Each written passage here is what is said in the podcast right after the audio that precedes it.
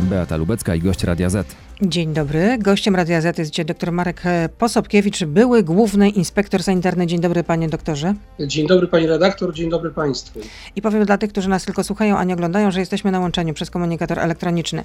Ponad 30 tysięcy zakażeń wczoraj. W przyszłym tygodniu może być nawet 50 tysięcy, jak prognozuje minister zdrowia Adam Niedzielski. Na początku lutego możemy mieć nawet po 100 tysięcy zakażeń dziennie i takiej dynamiki przyrostów jak od dwóch dni jeszcze nie mieliśmy, jak wczoraj mówił minister zdrowia, że to eksplozja pandemii, że Omikron robi swoje, czy nadciąga Armagedon?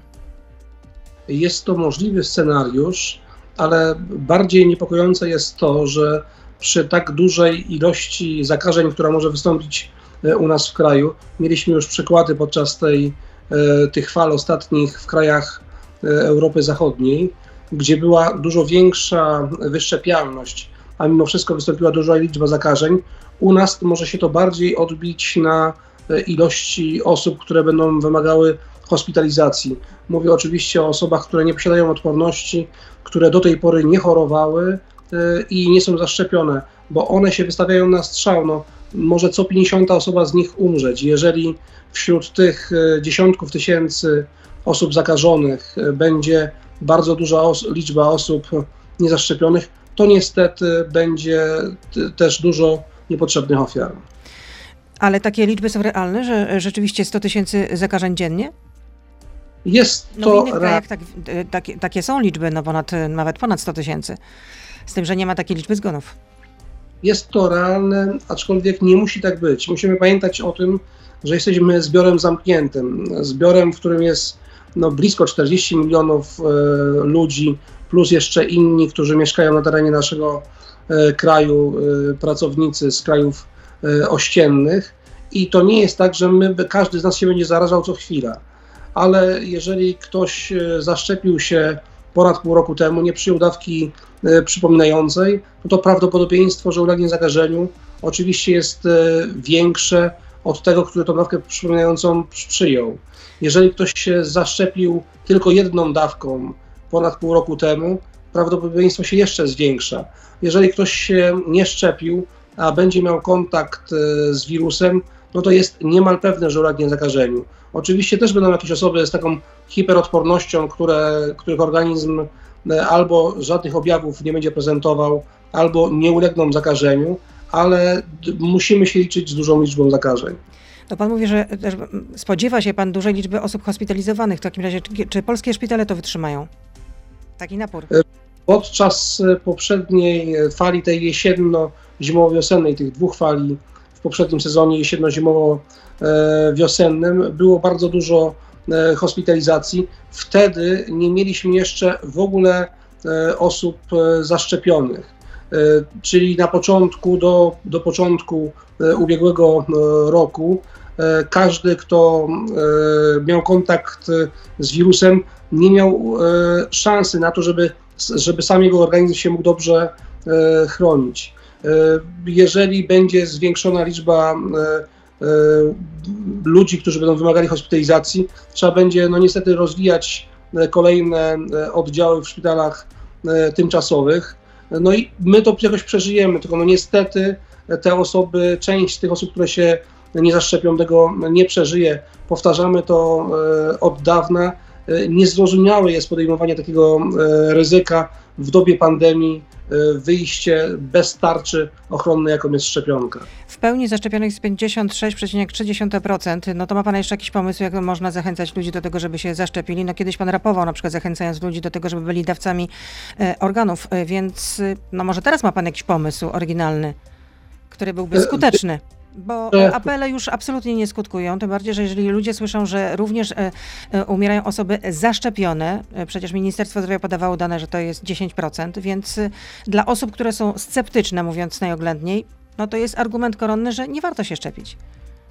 Ale gdyby ktoś się bliżał, mógł przyjrzeć bliżej tym danym, gdyby zobaczył, że wśród tych osób, które umierają i są niezaszczepione, jest dużo 30-40-latków, nawet 20-parolatków, 50-latków, a wśród tych osób, które są zaszczepione i umierają, są e, często seniorzy z poważnymi chorobami współistniejącymi, którzy przyjmują różne leki, które obniżają ich odporność i ich organizm nie jest w stanie leczyć. w tej grupie też tych osób, które były zaszczepione, a, a uległy zakażeniu i niestety zmarły, mogły być też osoby, które zdobyły certyfikat w nielegalny sposób, czyli tak zwany fikcyjny, a później część z nich trafiając do szpitala przyznawała się, że no, nie zaszczepili się, ale niestety już nie mogli tego czasu e, cofnąć.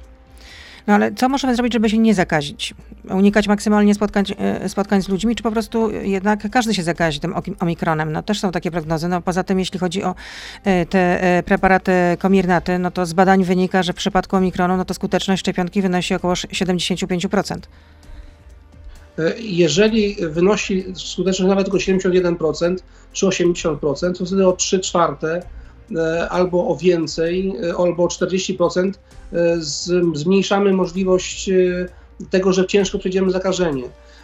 Pamiętajmy o tym, że od początku mówiliśmy, że tam około 90% jest skuteczność szczepionek, to przy 20 milionach zakażonych ludzi, jeżeli weźmiemy z tego 10%, to jest też kilka milionów ludzi, którzy nie wytworzą pełnej odporności i oni mimo zaszczepienia mogą ulec zakażeniu, albo będą mieć niepełną odporność, albo jej nie wytworzą i będą podatni na zakażenie, ale to nie zmienia faktu, że ta pozostała duża grupa 90% w dobry sposób się ochroni przed tym wirusem. No to jest podobnie jakbyśmy e, nie umieli e, pływać, byli rzuceni na głęboką e, wodę, i no nie będziemy brali koła ratunkowego, no bo może to koło wycieknie, no może go nie złapiemy, może go wypuścimy z ręki. Bierzemy to koło po to, żeby nas uratowało. Jeżeli ktoś nie chce skorzystać y, ze środków y, ochrony, no jest to zdecydowanie błędem. Jeżeli wpuścimy do basenu na głęboką wodę ludzi umiejących pływać i nie umiejących pływać, no to prawdopodobieństwo, że się część z nich utopi, no to będzie zdecydowanie większe w tej grupie nieumiejących pływać. My część z nich z wody wyciągniemy, ale ci, co umieją pływać, oni podpłyną do brzegu i wyjdą. I to są te osoby zaszczepione. Powtórzę swoje pytanie. Co by pan zalecał teraz, kiedy omikron e, atakuje? E, ja już proponowałem od kilku miesięcy wprowadzenie rozwiązań tych, które są wprowadzone między innymi we Francji, e, we Włoszech, czyli wejście do gastronomii, do obiektów kultury, do, do obiektów sportowych, a nawet do obiektów komunikacji publicznej, tylko przez osoby z certyfikatami. Nie jest e, moim zdaniem rozwiązaniem dobrym tylko zmniejszenie procentu e, osób niezaszczepionych, no bo upilnowanie tego nie, nie jest proste, a i tak ci ludzie się będą mieszać. Jeżeli powiemy, że wchodzą tylko osoby z certyfikatami, a pokazali już też przedsiębiorcy w niektórych miejscach, którzy e, dali zakaz wejścia bez certyfikatu do e, ich restauracji. Sam próbowałem wejść do takich restauracji, mając trzykrotne zaświadczenie. Nie wszedłem tylko dlatego, że nie było miejsc. Tych ludzi myślących, tych ludzi, którzy chcą, żeby takie bezpieczne miejsca były, jest dużo nie możemy być zakładnikami e, mniejszości tych, którzy nie myślą o sobie i o innych. A dodatkowo, oprócz tego, że ci ludzie by się tam nie mieszali, no to część z nich, podobnie jak chcąc wyjechać za granicę, e, szczepi się, mimo że nie czuje do końca tego zagrożenia, ale w, w, też w tym przypadku, chcąc iść na swój ulubiony mecz do e, obiektu sportowego bądź do, do restauracji, no w Austrii się nazywało to sztycel kolejka. Dla tych osób, które nagle stanęły w kolejce po to, żeby się zabezpieczyć y, szczepionką, żeby móc zjeść czy te żeberka wiedeńskie, czy kotleta. No dobrze, to w części radiowej. Czy rozumiem, że pan, pan jest orędownikiem tego sprawdzenia paszportów covidowych? Tylko, y, to, to już tylko zapytam, ale krótko proszę odpowiedzieć. Czy również, jeśli ktoś nie jest zaszczepiony, a gdyby pokazał zaświadczenie o tym, że ma test aktualny i z tego testu wynika, że jest to test negatywny na obecność koronawirusa, to co, też mógłby wejść do takiego miejsca publicznego? Jeżeli to byłby test z tego dnia, no to byłby e, wiarygodny jak najbardziej. E, jeżeli ktoś byłby świeżym ozdrowieńcem, czyli do kilku miesięcy po e, przechorowaniu, też taka osoba jest mniej groźna. To, musi, to jest po prostu naturalna ocena ryzyka i tym powinniśmy się kierować. Nie interesem jakiejś małej grupy ludzi, tylko bezpieczeństwem nas jako populacji. To tyle w części radiowej. Doktor Posobkiewicz z nami zostaje. Jesteśmy na Facebooku, na Radio ZPL, na YouTube, więc proszę zostać z nami. Beata Lubecka, zapraszam. E, zapytam panie doktorze, e, czyli e, szczyt zakażeń rozumiem, że w lutym osiągniemy, tak? Mniej więcej kiedy? Można przewidywać? Czy to będzie pierwsza połowa, czy to będzie druga połowa? I kiedy to zacznie opadać? możemy się spodziewać na, na, na przełomie stycznia i lutego, ale też z tego względu, że jest tak duża liczba osób jeszcze niezaszczepionych, to ta fala też się może ciągnąć. Zwróćmy uwagę na tą falę, która teraz się niedawno lekko zaczęła przygasać, ale do końca e, nie wygasła. Ona była stosunkowo długa. Ta ponowna też tak może wyglądać. Jeżeli ktoś zobaczy na wykresy chorób takich zakaźnych, infekcji dróg oddechowych, czyli grypę i choroby grypopodobne z poprzednich lat, to zawsze w tym okresie jesienno-zimowo-wiosennym są takie dwa szczyty zachorowań. Jeden jest gdzieś tak listopad, e, grudzień, a drugi gdzieś między styczniem a marcem. E, I ta w, tym, w tej złej perspektywie e, fala może się ciągnąć z dużą ilością zachorowań aż do marca, a do maja powinna wygasnąć na tyle, że znów lato będziemy mieli spokojne. To nie jest nic naturalnego, bo tak to zawsze z tymi infekcjami dróg oddechowych wygląda e, u nas w naszym regionie e, w Polsce. Wirusy, nie tylko ten, ale inne, jeżeli jest wyższa temperatura, jak ludzie zaczynają wietrzyć e, pomieszczenia, jest słońce, one dużo szybciej ulegają inaktywacji, ludzie mniej się wychładzają, Y, jest więcej słońca, ich układ odpornościowy jest trochę lepszy i to lato zawsze będzie spokojniejsze. W przyszłości to nie jest tak, że pandemia się skończy i wirus zniknie. On nadal będzie powodował dużo zakażeń w przyszłości, w kolejnych latach, ale to już nie będzie pandemia, to już nie będzie tego typu dramat, jak jest w tej chwili, bo większość ludzi będzie przechodziła to jako przeziębienie bądź skąpo objawowo. Oczywiście u części będzie uporczywy kaszel, ale nie będzie tak dużej ilości hospitalizacji, tak dużej ilości zgonów, ponieważ nasz organizm będzie już tego wirusa albo znał po e, kontakcie z nim po przechorowaniu, albo u tych ludzi z lepszą odpornością e, po e, też kilkukrotnym zaszczepieniu, ten organizm też sobie z tym wirusem poradzi już na wejściu. No właśnie miałam pana zapytać, kiedy to się w ogóle skończy, kiedy pożegnamy się z pandemią, bo według szefa WHO no, no, nawet nie zbliżamy się do końca pandemii jeżeli e, ten wariant Omikron, bądź następny, gdyby się pojawił, bo musimy pamiętać e, o tym, że e, to nie jest zamknięcie jeszcze greckiego alfabetu z tymi możliwościami tych wariantów, lato na pewno będzie spokojniejsze. W przyszłym sezonie niestety spodziewałbym się jeszcze wyraźnej ilości większej zakażeń, ale nie tak ciężkiego sezonu jak tego a już każdy następny będzie e, słabszy, ale mm, najpóźniej po następnym sezonie jesienno-zimowo-wiosennym będzie można powiedzieć, że pandemia się skończyła, ale wirus został. Wspominałem już o tym, że te szczepionki e, komirnaty e, chronią przed omikronem, omikronem, omikronem przepraszam, w 75%. No, szczepionka przeciwko akurat temu wariantowi koronawirusa będzie gotowa w marcu. Czy trzeba w takim razie będzie się zaszczepić jeszcze jedną szczepionką? jeżeli tylko będzie e, dostępna, e, ja to zrobię, bo ja chcę chronić swoje życie i nie chcę być roznosicielem e, wirusa.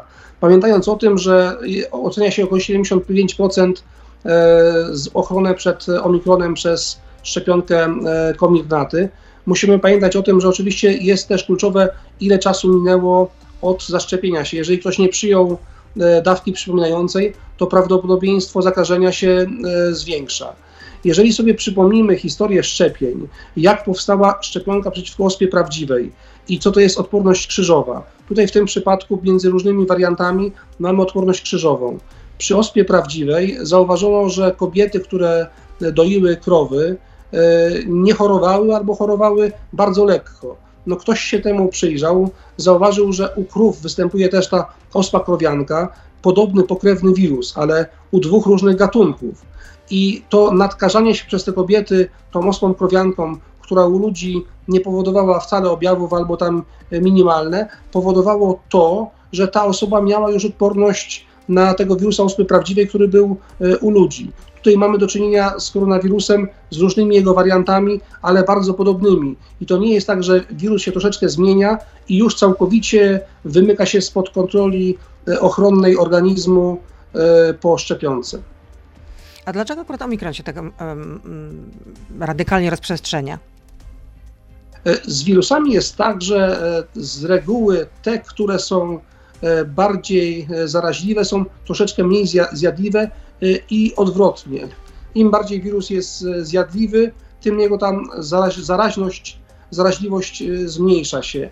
W przypadku tego wariantu, który oceniany jest jako troszeczkę mniej zjadliwy od tych poprzednich wariantów, ta jego zaraźliwość jest oceniana na wyższą.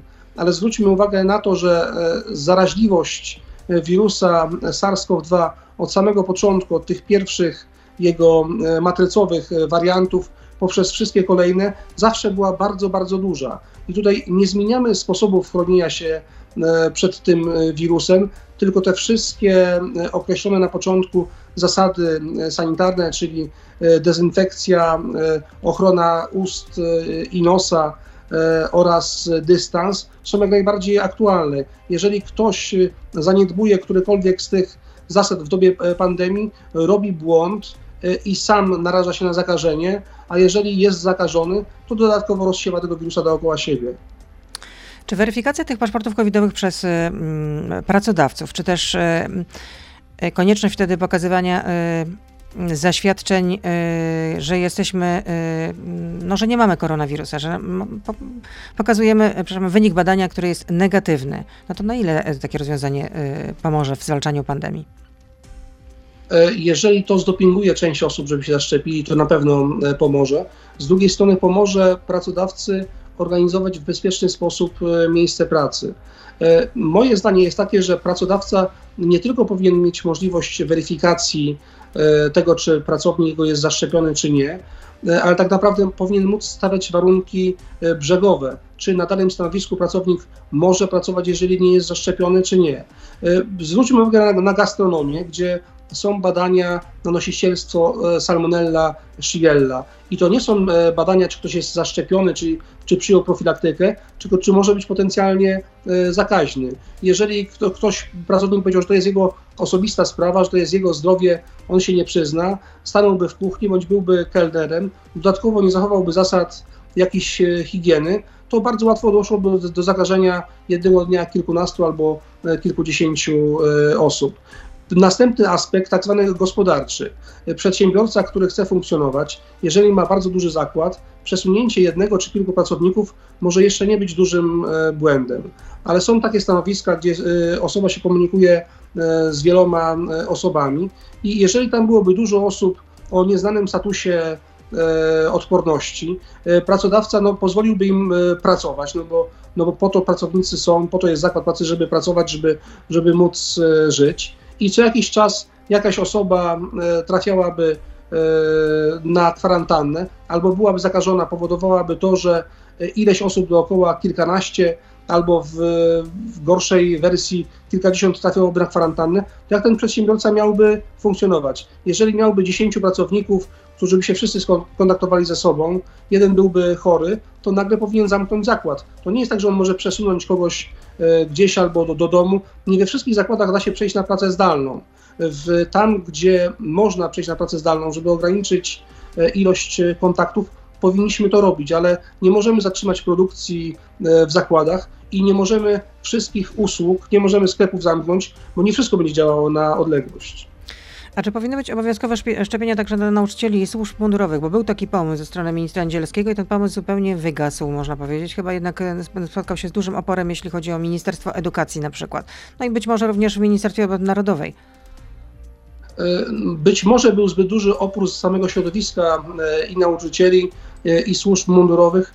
No niestety nie wszyscy oni przyjrzeli się swoim koleżankom, kolegom, którzy po kontakcie z tym wirusem e, nie przeżyli. Bo to jest też jeden z takich elementów, który wpływa na część e, e, osób otrzeźwiająco, jeżeli chodzi o myślenie o zagrożeniu. Jeżeli umiera ktoś z rodziny, ktoś ze znajomych, ktoś, kto normalnie funkcjonował, ma 30, 40, 50 lat, no to wtedy do niektórych przychodzi taka refleksja, że może to rzeczywiście to jest duże zagrożenie. Jeżeli słyszymy nawet o dużej ilości zgonów, ale to dotyczy kogoś gdzieś tam daleko, to ktoś może sobie wyobrażać, że to jest, no jest niebezpieczeństwo, ale no może mnie się uda. Jeżeli tak, tylko pytałam ktoś... pana, czy pan jest orędownikiem, y, że powinny być takie obowiązkowe szczepienia akurat w tych grupach zawodowych, które wymieniłam. E, moim zdaniem e, powinniśmy robić wszystko, nie wiem czy poprzez obowiązek szczepień, ale powinniśmy robić wszystko, żeby jak największa liczba osób w tych e, grupach, gdzie jest duża, duży kontakt zawodowy z innymi ludźmi, żeby te osoby były zaszczepione. Akurat czeskie władze zdecydowały się, że wycofują się ze szczepień obowiązkowych dla seniorów i dla wybranych grup zawodowych. Tam to byli na przykład słuchacze szkół medycznych, oczywiście pracownicy ochrony zdrowia, także policjanci, strażnicy miejsc, strażacy. Wycofują się z tego, bo jak uzasadnia nowy premier, e, chodzi o to, żeby nie pogłębiać e, podziały w społeczeństwie. No i poza tym akurat te grupy zawodowe, które były objęte tym e, obowiązkowym szczepieniem, akurat i tak są zaszczepione w około 90%. No, podobnie jest u nas e, z medykami, szczególnie ci, którzy e, widzieli pacjenta duszącego się tuż przed podpięciem do respiratora, którzy widzieli młodych ludzi umierających, dla nich jest naturalne to, że trzeba się zaszczepić. Jeżeli chodzi o te inne wszystkie środowiska pozamedyczne, no jest sens ich szczepić teraz najbardziej jeszcze w dobie pandemii. To nie jest tak, że te szczepienia powinny zostać obowiązkowe, czyli będzie ich konieczność e, szczepienia się ciągłego przez wiele, wiele lat. Ale te osoby, które będą myślały o swoim bezpieczeństwie e, w przyszłości, w sezonie jesienno-zimowo-wiosennym, na początku jesieni, jak tylko będzie dostępna szczepionka, podobnie jak jest z wirusem e, grypy i szczepionką przeciw grypie, będą się szczepić. Mam nadzieję, że będzie w przyszłości też dostępna szczepionka przy jednym wkłuciu, zabezpieczająca i przed wirusami grypy, i przed koronawirusem. Czyli takie dwa w jednym. Są pytania, liczne pytania do pana od słuchaczy. Tadeusz pyta, jak to jest, że dokładnie rok temu było około kilkuset zakażeń dziennie i było więcej obostrzeń niż w chwili, gdy mamy ponad 30 tysięcy zakażeń dziennie. No to jak ludzie mają ufać władzom? E, ten e, wirus rządzi się swoimi e, prawami. Gdybyśmy nie stosowali tych zasad sanitarnych, gdyby kilkadziesiąt procent społeczeństwa naszego E, w tej chwili nie było wyszczepione, gdybyśmy to puścili na e, żywioł, to tych zakażeń byłoby jeszcze więcej. Zwróćmy uwagę, że tak naprawdę. Ale chodzi o to, że teraz te obostrzenia są jednak dość e, skąpe, nawet wczoraj w wywiadzie dla telewizji polskiej. polskiej no, na... Pan minister Niedzielski mówił, że te, które obowiązują od 15 grudnia, tak de facto są na papierze, że one nie są przestrzegane, że są fikcyjne dokładnie o tym samym chciałem powiedzieć. Zwróćmy uwagę na to, jak się zachowują e, ludzie. Jeżeli przypomnimy sobie e, marzec, kwiecień roku 2020, kiedy wprowadzono lockdown, e, dzięki temu nie mieliśmy tak naprawdę normalnej pierwszej fali u nas, u nas w, w kraju. Mieliśmy bardzo mało wtedy zakażeń, mało zgonów, dzięki temu, że tak restrykcyjnie ludzie podchodzili do e, przestrzegania zasad, a tak naprawdę ludzie się wtedy bali, omijali się wtedy siebie szerokim łukiem nawet na, na ulicy, e, lepiej stosowali dystans od siebie. Minęło potem kilkanaście miesięcy i podejście ludzi w tym zakresie całkowicie się, zmieniło. No, nadal są osoby, które uważają, że nie ma pandemii w ogóle, więc y, no, nie ma sensu również się absolutnie szczepić. Jolanta pyta, to ile jeszcze osób musi umrzeć, y, żeby zostały wprowadzone paszporty covidowe w zamkniętych miejscach publicznych typu restauracje? Ja, jeżeli mógłbym e, wpływać na, na ludzi, przekonać e, posłów, gotów byłbym każdemu z nich tłumaczyć, przynajmniej tym, którzy są w stanie zrozumieć, że jest to dobre narzędzie e, w walce nie tylko z pandemią, bo nie, nie, my nie walczymy z pandemią, tylko walczymy o zdrowie i życie ludzi. A w ten sposób, wprowadzając te paszporty covidowe do tych miejsc, o których żeśmy wspomnieli wcześniej, naprawdę ochronilibyśmy e, wielu ludzi przed śmiercią. Oni nawet, część z nich nie zdawałaby sobie sprawy, bo to jest tak, że dopiero jak kogoś dopadnie wirus, ciężko zachoruje, to zdaje sobie sprawę z tego, jak to jest e, groźne. Jeżeli osoba e, ochroniona, która by się nawet pod różnym przekonaniem zaszczepiła, bo musi gdzieś wyjechać, bo musi gdzieś wejść, może nawet nie zdawać sobie sprawy z tego, że to mogło uratować życie jej, jej rodzicom i, i dziadkom, znajomym sąsiadom. E, kolejne pytanie od słuchacza. Córka ma od 36 e, godzin dodatni wynik testu na COVID-19. Do tej pory e, ten wynik nie został wpisany do systemu sanepidu. Córka nie jest objęta izolacją. Jako rodzice nie jesteśmy nawet na kwarantannie. Możemy iść na miasto bez jakichkolwiek sankcji i konsekwencji. No gdzie tu jest sens?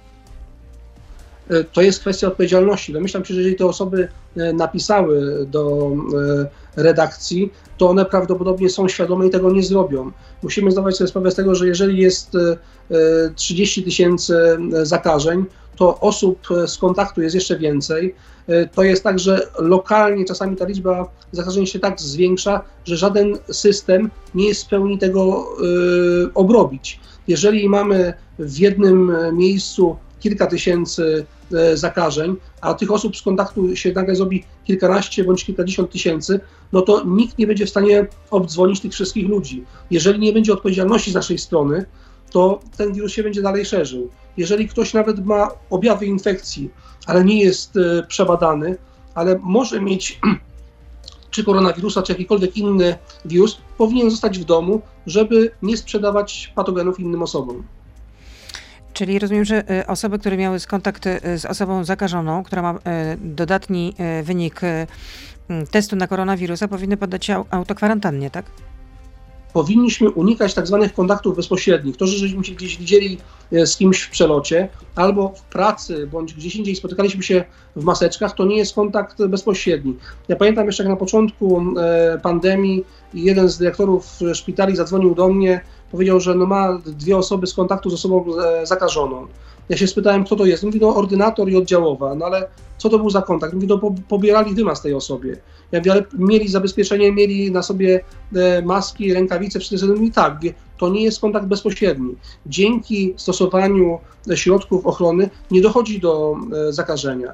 Ja na początku pandemii wchodziłem do chorych dodatnich, kaszlących, z dużą temperaturą, czyli z dużą wiremią, w fartuchu fizelinowym, w masce chirurgicznej, bez żadnych filtrów i do zakażenia nie dochodziło. Z tego względu, że istotne było to, żeby nie robić błędów przy rozbieraniu się, żeby nie wynosić tego wirusa e, z pomieszczenia, do pomieszczenia, czyli nie pomagać temu wirusowi. On nie ma sam zdolności jakichś takich migracyjnych wyszukiwania ofiary, tylko w dostaniu się do naszego organizmu my temu wirusowi pomagamy. Kolejne pytanie. Ile wystąpiło zakażeń i zachorowań na grypę od początku okresu jesienno-zimowego? Bo o grypie na... w ogóle nie mówimy. W tej chwili jest tą gwiazdą medialną jest tylko e, koronawirus. Ale można nazwać mówię... gwiazdą, antygwiazdą. No ale gwiazdą jest, bo, bo się tylko o nim mówi. E, nie mówię, że pozytywną. E, jeżeli wrócimy znów do sezonu 2019-2020 przełomu roku, spojrzymy na wykresy zachorowań na grypę i choroby grypopodobne w poprzednich latach, e, do przełomu e, roku ta krzywa zachorowań na grypę, choroby grypopodobne wyglądała całkowicie podobnie. Po wprowadzeniu lockdownu w marcu 2020 roku, od marca do maja liczba zachorowań spadła e, o połowę. I to jest całkowicie naturalne. Tam, gdzie się my e, dystansujemy w stosunku do innych ludzi, gdzie uważamy, stosujemy środki dezynfekcyjne, e, maseczki, to nie tylko chronimy się przed koronawirusem, ale przed wszystkimi wirusami powodującymi infekcje dróg oddechowych. Jakie badania wykonał Pan, nie będąc laryngologiem, żeby ocenić słuch ministra edukacji Przemysława Czarnka? Czy jest pan pewny, że minister edukacji dobrze słyszy? Bo czasami mam wrażenie, że nie słucha. Pyta słuchacz. No to pytanie już oczywiście nie dotyczy e, koronawirusa. Jestem przekonany, że pan e, minister Czarnek sam słuch ma dobry, e, słyszy dobrze. To zaświadczenie, które on otrzymał właściwie tylko w wersji elektronicznej, bo ono na papierze go nawet nie widział, nie istnieje w formie administracyjnej, nie było przekazywane do jego urzędu, ale było odpowiedzią do jednej z koleżanek, która się pytała jego, czy jest... Tak, to wiemy. Beata Mazurek generalnie pyta, czy jesteś głuchy, ale pytam, no jest, nie jest pan laryngologiem, to na jakiej podstawie wystawiał pan e, zaświadczenie o tym, że słuch prawidłowo funkcjonuje pana ministra Czarnka? E, każdy lekarz może ocenić słuch o drugiej osoby. Możemy oceniać słuch do pracy na jakimś stanowisku, natomiast to jest potrzebne, jeżeli e, żeby spełniał określoną kategorię zdrowia. No wiem, ale wtedy y, y, taka osoba jest poddana specjalnym, specjalnemu badaniu. No są y, odpowiednie mm, urządzenia, które badają o tym, które badają, czy, że słuchem wszystko jest w porządku, czy są jakaś, czy jakaś utrata słuchu w lewym czy w prawym uchu ewentualnie wchodzi w grę. Jest też coś takiego jak, jak orientacyjna e, ocena słuchu i jestem przekonany, że pan e, minister Czarnek E, pod tym względem słuch prawidłowy. Ale to znaczy, że pan minister Czarnek przyszedł do pana i jakoś, no i to jak pan ocenił to, że ze wszystkim, że z jego słuchem jest wszystko w porządku? E, na szczęście nie muszę się tłumaczyć e, z moich kontaktów i badania innych osób, to niech to pozostanie e, owiane tajemnicą. Ale dlaczego? No przecież jednak to, to, ten dokument upubliczniono. No, zresztą sam pan minister Czarnek na Twitterze go upublicznił, więc no, ludzie się zastanawiają, na jakiej zasadzie nastąpiła ta weryfikacja, że wszystko w porządku jest ze słuchem ministra, pana, pana ministra Czarnka. Chodziło też o osobę publiczną. A gdybym ja z sympatii i również z przymrużeniem oka napisał, że pani redaktor jest osobą ładną i skórę ma czystą, to czy musiałbym się komuś tłumaczyć, czy oglądałem całą panią e, redaktor, żeby to dokładnie badać? Oczywiście nie. E, potraktujmy tamto zaświadczenie, podobnie jakbym mówił na temat e, czyjejś urody, jako z przymurzeniem oka. Dorota pyta, w którym kraju szczepienia i obostrzenia zakończyły pandemię? Przede wszystkim pandemia skończy się wtedy, jak będzie większość z nas po kontakcie z wirusem. Dzięki szczepieniom będziemy mieli mniej e, ofiar. Szczepienia e, są w stanie, gdybyśmy byli, e, gdyby było możliwe zaszczepienie wszystkich ludzi na świecie w bardzo krótkim czasie, to oczywiście byśmy tą pandemię znacznie skrócili czasowo, ale dzięki szczepieniom będziemy mieli, ona się szybciej skończy i będziemy mieli mniej ofiar. Jaki jest sens epidemiologiczny utrzymywania zdrowych ludzi bez objawów COVID-19 na kwarantannie? E, z czasem teraz będzie coraz e, mniejszy. Na początku, e, szczególnie przez ten pierwszy rok, kiedy jeszcze nie było możliwości zabezpieczenia się szczepionką, powinniśmy robić wszystko, żeby ograniczyć transmisję wirusa, żeby jak najwięcej osób mogło się zabezpieczyć poprzez szczepienie przed ciężkim zachorowaniem i przed zgonem. Teraz tak naprawdę te różne restrykcje są też potrzebne po to, żeby wytrzymał system opieki zdrowotnej, bo gdyby chorowało nagle zamiast 30 tysięcy, 200 tysięcy osób i y, kilkadziesiąt tysięcy ludzi wymagałoby y, hospitalizacji, no to nasz system by sobie z tym y, nie poradził. Czyli jest potrzebne stosowanie nadal tych zasad sanitarnych po to, żeby nie było zbyt dużo chorych naraz. Wcześniej, w pierwszym roku pandemii, dobrze, żeśmy hamowali transmisję wirusa e, po to, żeby móc zdążyć się zabezpieczyć w przyszłości e, szczepionką, czyli nie umrzeć z powodu e, zakażenia. A czy ta kwarantanna nie powinna być skrócona? W przyszłości kwarantanna w ogóle nie będzie potrzebna, jeżeli już wszyscy będziemy po kontakcie z wirusem. Ten wirus będzie podobnie funkcjonował jak wirus grypy AH1N1, który spowodował pandemię grypy hiszpanki 100 lat temu. Ta pandemia też potrwała wtedy 2-3 lata. E, kilkadziesiąt milionów ludzi e, zmarło, ale wirus pozostał. On nadal powoduje zgony e, na świecie i to powoduje dużo zgonów, ale u większości ludzi powoduje słabsze objawy niż konieczność hospitalizacji, niż zapalenie płuc. U części są po prostu tylko objawy przeziębieniowe i podobnie to będzie wyglądało w przyszłości z koronawirusem. Dlaczego zdrowieńcy są szczepieni nawet bez badania, jaką uzyskali odporność? E, po to, żeby ta odporność w przyszłości była jak najdłuższa e, i jak najlepsza. Ja sam byłem ozdrowieńcem. E, po przechorowaniu nie badałem sobie poziomu przeciwciał, które spodziewam się, bo przechodziłem ciężko, że powinien mieć wysokie, ale chciałem tą odporność utrzymać na dłuższy czas. Nie chciałbym przeżywać tego samego, co przeżyłem kilkanaście miesięcy temu po zachorowaniu. A teraz już się pan czuje bardzo dobrze, nie ma żadnych y, skutków, bo no, od ludzi, którzy przeszli COVID, to słyszy się różne historie, że jednak odczuwają duży dyskomfort, że mają jakieś dolegliwości.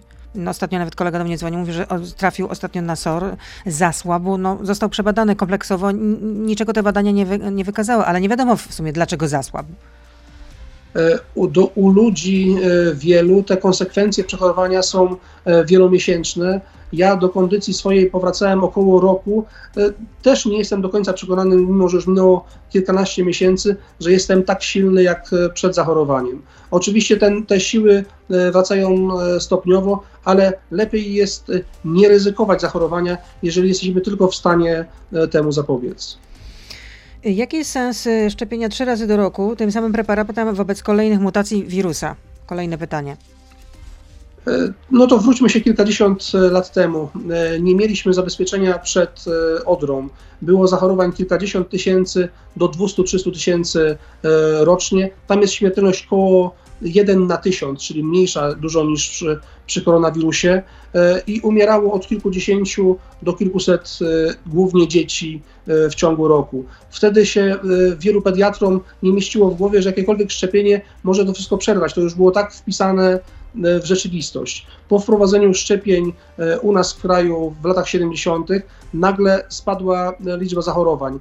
Zauważono po kilku latach, że odporność spada. Wprowadzono szczepienia e, dwudawkowe w latach 80. i od końca lat 80. nie mieliśmy żadnego zgonu z powodu e, odry w Polsce, bo to powtórzenie e, szczepienia, ta dawka przypominająca spowodowało to, że w tym przypadku odporność utrzymała się dużo dłużej. Oczywiście koronawirus jest też chorobą wirusową, ale inną i tu musimy też spojrzeć na filozofię chorób zakaźnych. Te wirusy, które powodują zachorowanie, nawet ciężkie, e, zagrożenie śmiertelne, ale z reguły występują e, raz w życiu, w przypadku tych wirusów łatwiej jest e, wykonać, stworzyć szczepionkę, która zabezpieczy też na wiele, wiele lat. W przypadku chorób takich jak grypa, jak infekcje spowodowane koronawirusem, które mogą się powtarzać, no to jest też, wydaje się, logiczne, że trudno osiągnąć szczepionką coś, co dużo będzie, da dużo dłuższą e, ochronę niż samo przechorowanie. Dlatego z tego względu, szczególnie teraz w okresie pandemii, te dawki trzeba powtarzać. I ostatnie pytanie Waldemar pyta. Im więcej szczepień, tym więcej zachorowań i zgonów. I jak to się ma do promowania szczepień? E, ale gdyby tych szczepień nie było, tych e, zachorowań i zgonów mogłoby być wielokrotnie e, więcej. E, Dzięki nim niedługo się zbliżymy do podania 10 miliardów pojedynczych dawek szczepionek na świecie. Gdyby nie wprowadzenie szczepień, to tych zgonów z powodu COVID-u, czyli wirusa SARS-CoV-2, nie byłoby kilka milionów, tak jak jest w tej chwili, tylko w przestrzeni kilku lat albo kilkadziesiąt milionów, albo nawet ponad 100 milionów. Dobrze, dziękuję bardzo za to spotkanie, panie doktorze. Doktor e, Marek Posobkiewicz, były główny e, inspektor sanitarny, był z nami. Życzę zdrowia nieustającej, żelaznej odporności. Kłaniam się życzę zdrowia i odporności, pani Tak, redaktor. i żelaznej odporności, tak. Wszystkiego dobrego. Dobrego dnia. Do usłyszenia, do zobaczenia. Kłaniam się. Kłaniam się. To był gość Radia Z. Słuchaj codziennie w Radio Z i na player radioz.pl.